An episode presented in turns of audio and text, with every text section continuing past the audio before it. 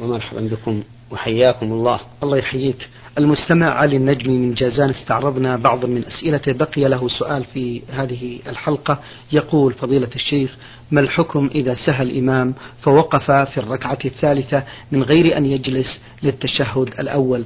وهل يجب على المأمومين أن يقولوا له سبحان الله أم لا؟ أرجو الإفادة.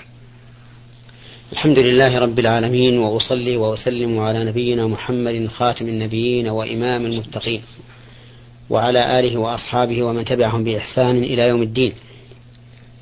السهو في الصلاة أمر لا, لا يلام عليه الإنسان لأن كل بشر ينسى ولهذا وقع من أكمل الناس خشوعا وهو رسول الله صلى الله عليه وسلم فإنه نسي في صلاته فصلى مرة خمسا وصلى مرة وصلى مرة ركعتين وسلم من صلاة الظهر أو العصر. وترك التشهد الأول مرة فقام عنه ولم يجلس. وقال عليه الصلاة والسلام إنما أنا بشر مثلكم أنسى كما تنسون فإذا نسيت فذكروني.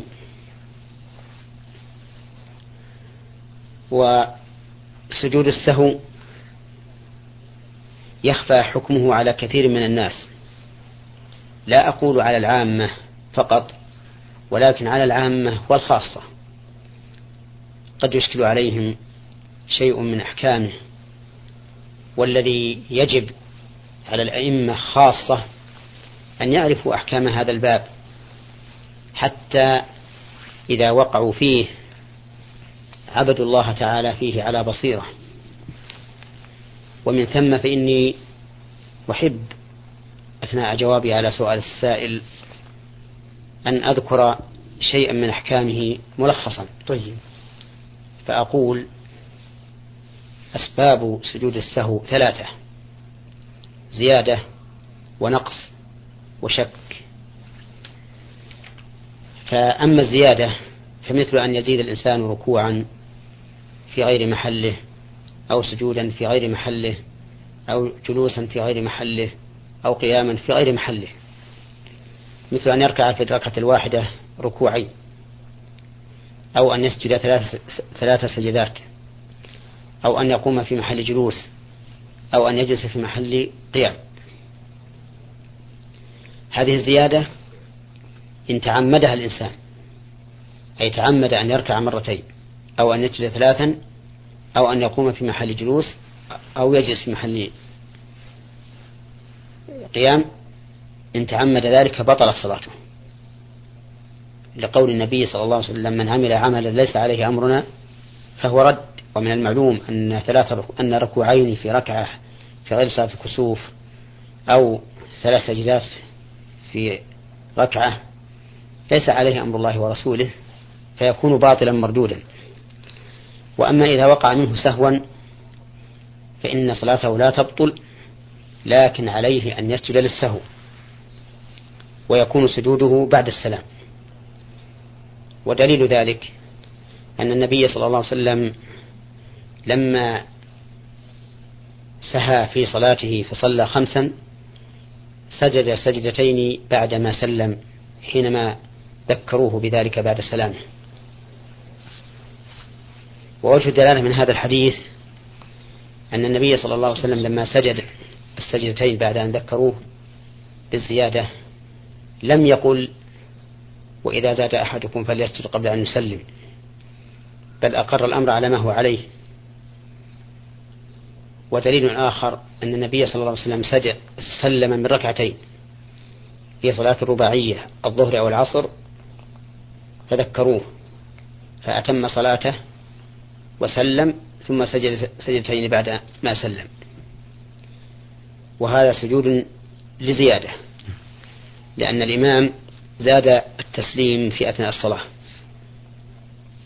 فنأخذ من هذا قاعدة أن سجود السهو إذا كان سببه الزيادة فإنه يكون بعد السلام.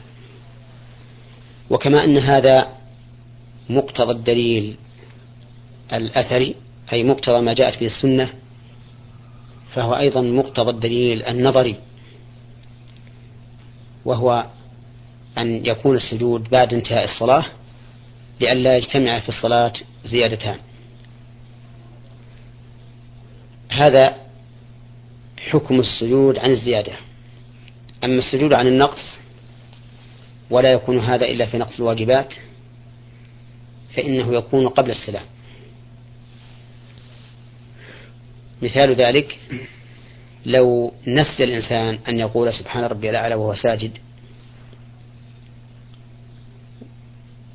فإنه يسجد للسهو قبل السلام وتصح صلاته وكذلك لو نسي التشهد الأول كما في سؤال السائل نعم.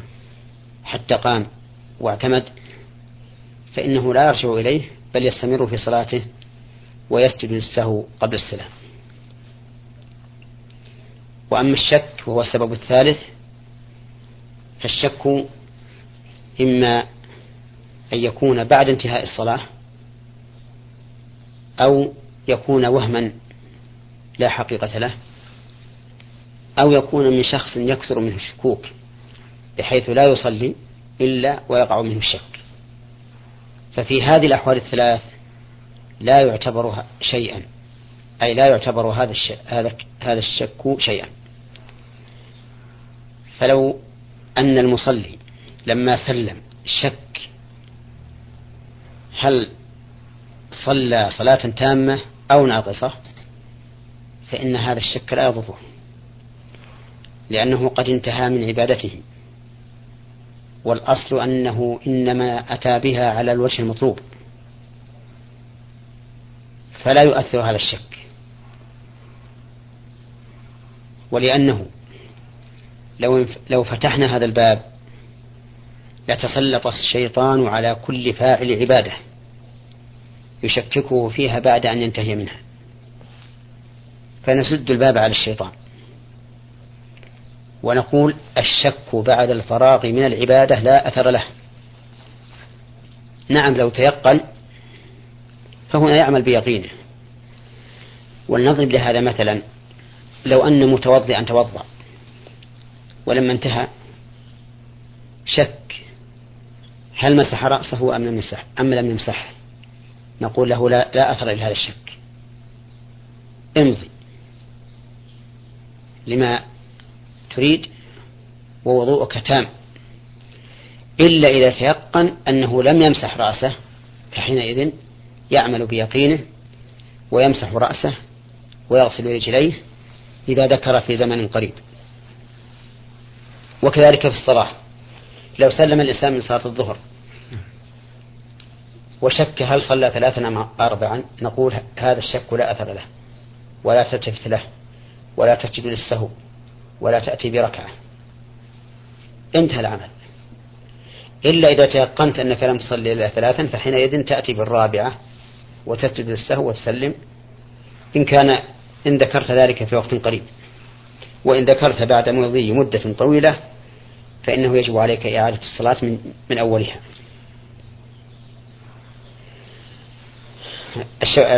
الشك الثاني مما لا يعتبر مما لا يعتبر أن يكون الإنسان كثير الشكوك فهنا لا يعتبر الشك ولا يلتفت إليه لأن كثير الشكوك خارج عن الطبيعة الأصلية للبشر. فيكون هذا الشك مرضا ووسواسا لا يلتفت إليه. وعلى هذا فإذا كان إنسان كلما صلى شك هل أتم أو, أو أم لم يتم نقول لا تلتفت إلى الشك. ألغه ولا ولا ولا كأنه شيء. ثالث إذا كان الشك وهما يعني مجرد وهم ليس ترددا حقيقيا فإنه لا يلتفت إليه أيضا. ولا يؤثر عليه. لأنه نوع من الوساوس. بقي علينا إذا كان الشك حقيقيا في أثناء الصلاة. بأن شك هل صلى ثلاثا أم أربعا. فإن نقول لا يخلو هذا الشك من حالين. الحالة الأولى أن يكون لديه ترجيح بين الطرفين فيعمل بالراجح ويتم عليه ويسجد للسهو بعد السلام. الحالة الثانية أن لا يكون ثم ترجيح بل الشك متساوي الطرفين فيبني هنا على الأقل لأنه متيقن ويتم عليه ويسجد للسهو قبل السلام. وبهذا عرفنا أن الشك تارة يسجد له قبل السلام وتارة يسجد له بعد السلام. فإن كان الشك فيه ترجيح لأحد الاحتمالين عمل بالراجح وأتم عليه وسجد بعد السلام. وإن, وإن كان الشك ليس فيه ترجيح لأحد الاحتمالين بل هما سواء فإنه يعمل بالأقل ويتم عليه ويسجد السهو قبل السلام. وبهذا التفصيل جاءت السنة. وعلى هذا نضرب مثلين. المثل الأول رجل يصلي الظهر. وشك هل هذه هي الركعة الثالثة أو الرابعة؟ وترجح عنده أنها هي الرابعة. فنقول هذه آخر ركعة من ركعاتك. فسلم. ثم اسجد للسهو بعد السلام. ترجح عنده أن هذه هي الثالثة. نقول هذه هي الثالثة فأتي بركعة وسلم واسجد للسهو بعد السلام. هذا مثال. المثال الثاني رجل يصلي الظهر. فشك في الركعة. هل هي الثالثة أو الرابعة؟ ولم يترجح عنده شيء. لم يترجح عنده شيء. ففي هذه الحال نقول اجعلها الثالثة لأنها الأقل وأتم الصلاة. يعني ائت بالرابعة. واسجد للسهو قبل السلام. لأن الشك هنا ليس فيه ترجيح. والشك الذي ليس فيه ترجيح يبني فيه الإنسان على اليقين وهو الأقل ويسجد للسهو قبل السلام. وهنا مسألة لو أن الإنسان بنى على اليقين أو على المترجح ثم تبين له أنه مصيب فيما فعل فهل يسجد للسهو أو لا يسجد؟ فيه قولان لأهل العلم. فمنهم من قال لا يسجد لأن الشك زال باليقين وتبين أن فعله ليس فيه زيادة ولا نقص. ومنهم من قال يسجد لأنه أدى جزءا من صلاته مترددا فيه فجبرا لهذا التردد يسجد للسهو.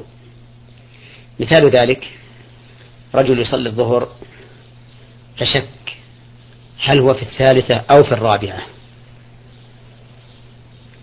شكا مترددا فيه ليس فيه ترجيح.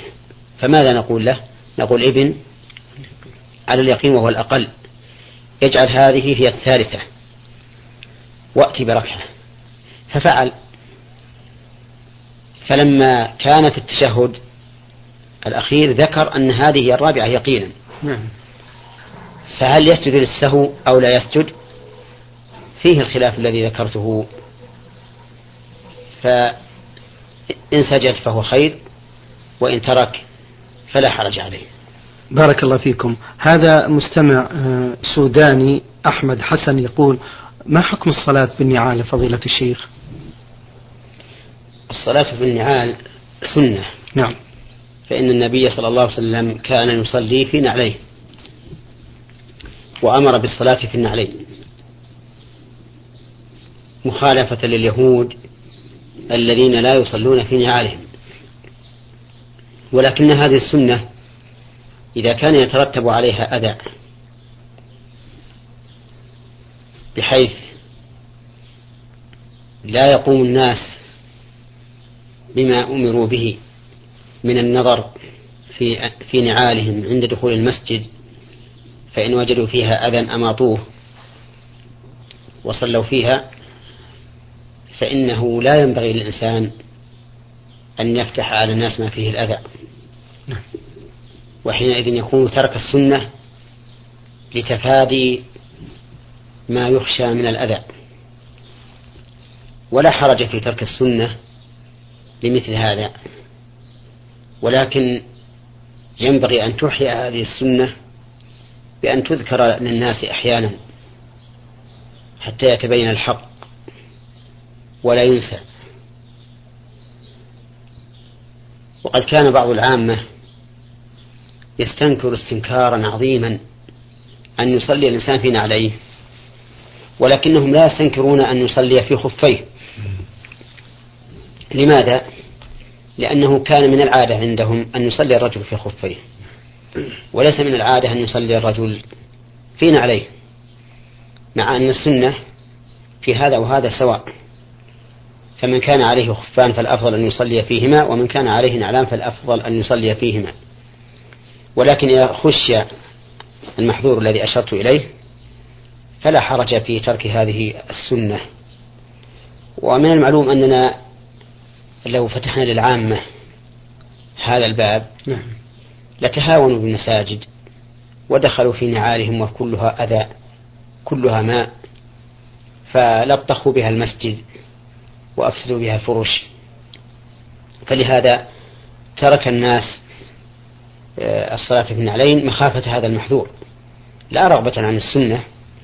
لأن كل مؤمن لا يمكن أن يرغب عن سنة رسول الله صلى الله عليه وسلم إلا لما يخشى من ضرر أكبر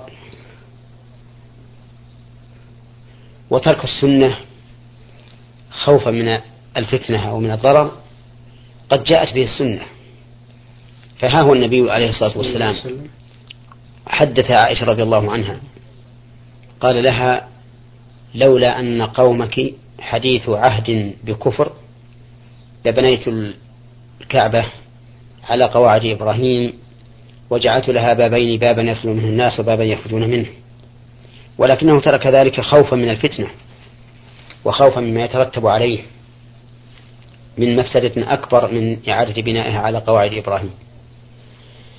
وكذلك ترك النبي عليه الصلاة والسلام الاستمرار في صيامه في رمضان وهو مسافر لأنه شق على الناس الصوم. فقد ذكر للنبي عليه الصلاة والسلام وهو مسافر في رمضان أن الناس قد شق عليهم الصيام وأنهم ينتظرون ما تفعل.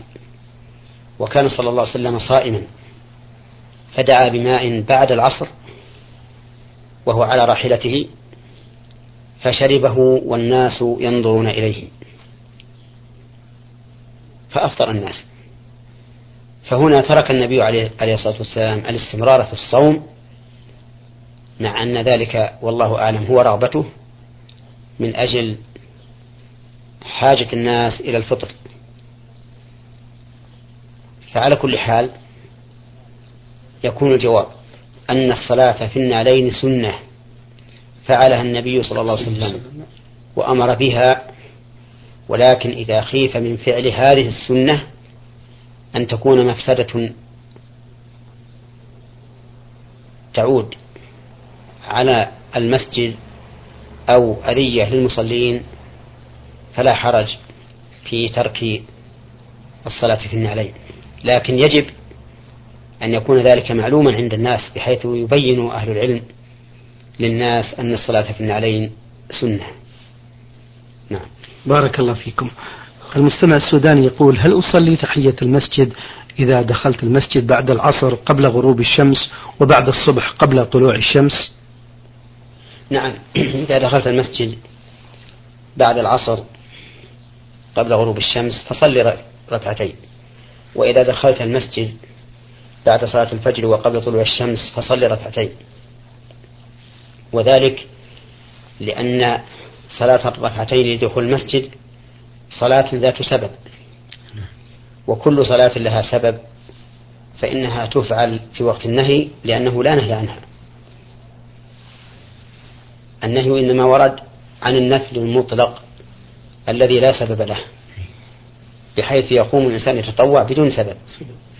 فهنا ينهى عن الصلاة في الأوقات الثلاثة التالية من صلاة الفجر إلى أن ترتفع الشمس قيد رمح والعبرة بصلاة الرجل نفسه لا بصلاة الناس ومن صلاة العصر إلى غروب الشمس.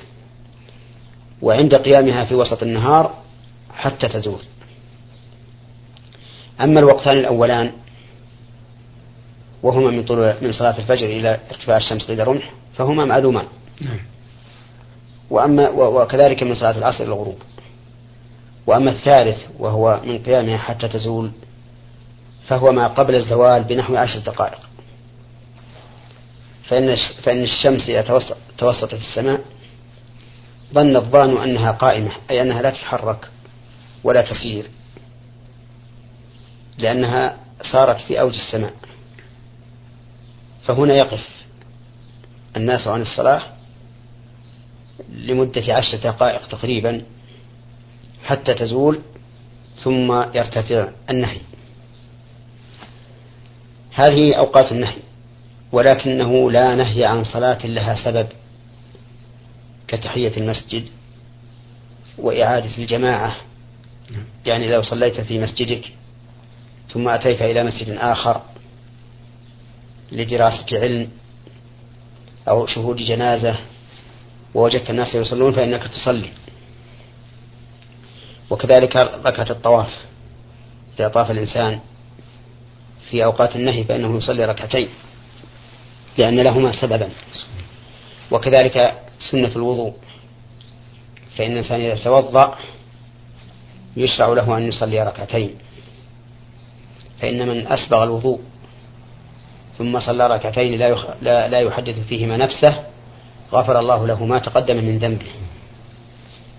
فالخلاصة أن من دخل المسجد بعد صلاة الفجر قبل طلوع الشمس أو بعد صلاة العصر قبل غروبها فإنه لا يجلس حتى يصلي ركعتين ولا نهي في ذلك ولا في أي صلاة نافلة لها سبب. أما الفريضة فليس عنها نهي.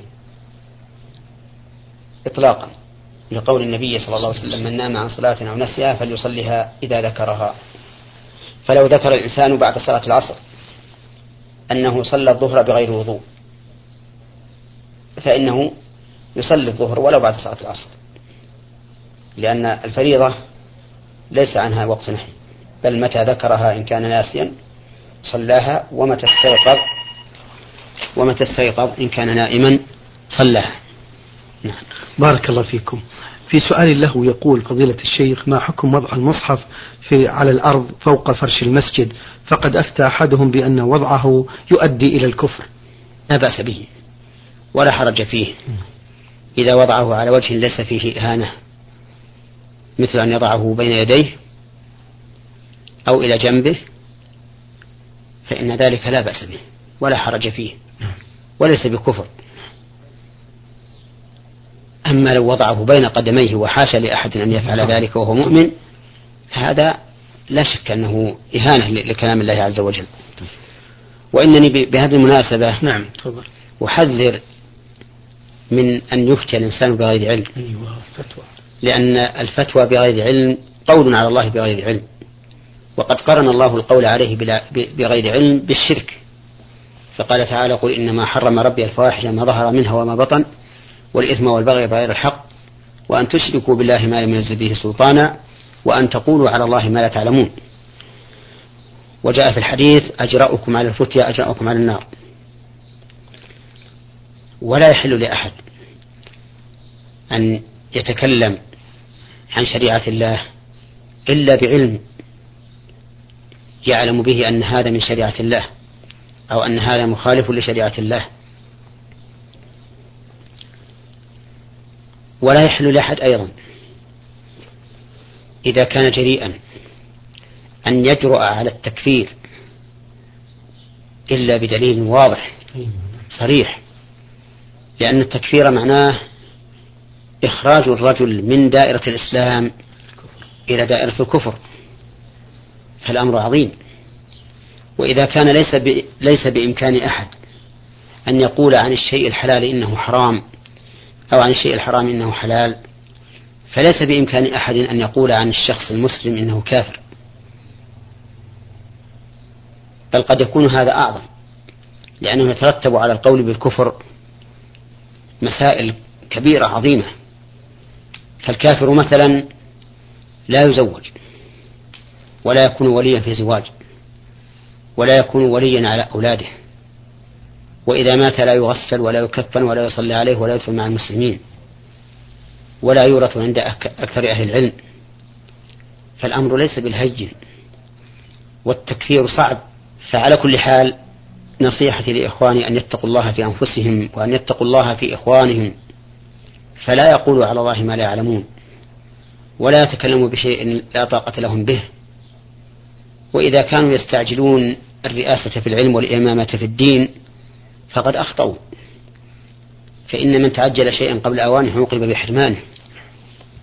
بل لينظروا ويصبروا حتى يكونوا أهلا للإمامة في دين الله وحينئذ يفتون الناس.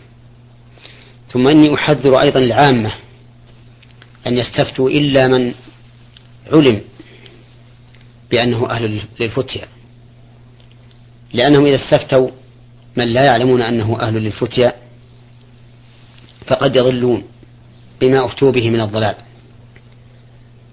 وإذا كان الإنسان لو مرض لم يذهب إلى أي واحد ليطلب العلاج عنده وإنما يذهب إلى الأطباء المعروفين فكذلك في دين الله إذا أشكل عليه شيء لا يذهب إلى أي واحد من الناس ويستفتيه. وما أكثر ما يعرض من الفتاوي الخاطئة فأحذر إخواني هؤلاء وأقول أسأل الله أن يجعلكم إمامة في الدين أئمة في الدين وأنتم تستحقون الإمامة. واحرصوا على أن تتعلموا أولا ثم تعلموا ثانيا.